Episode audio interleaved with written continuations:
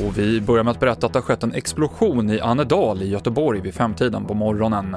Det är oklart vad som har hänt, men tre trappuppgångar är fyllda med rök och det pågår livräddning, enligt räddningstjänsten. Två personer har förts till sjukhus, uppger SOS Alarm för DN. Senaste nytt om den här explosionen i Göteborg på tv4.se.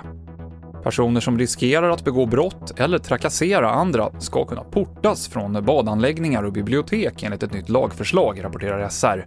Det måste finnas möjlighet att stänga av folk som inte kan bete sig, säger justitieminister Morgan Johansson i en kommentar och han hoppas att de nya reglerna ska träda i kraft nästa sommar. Och knarkandet på musikfestivalen Glastonbury i England hotar det lokala djurlivet, larmar forskare. Många besökare kissar i en å på festivalområdet, något som leder till höga halter av ecstasy och kokain i vattnet. Och det påverkar livscykeln för en särskild ålart. Och forskarna uppmanar festivalbesökarna att använda toaletterna istället. TV4-nyheterna med Mikael Klintevall.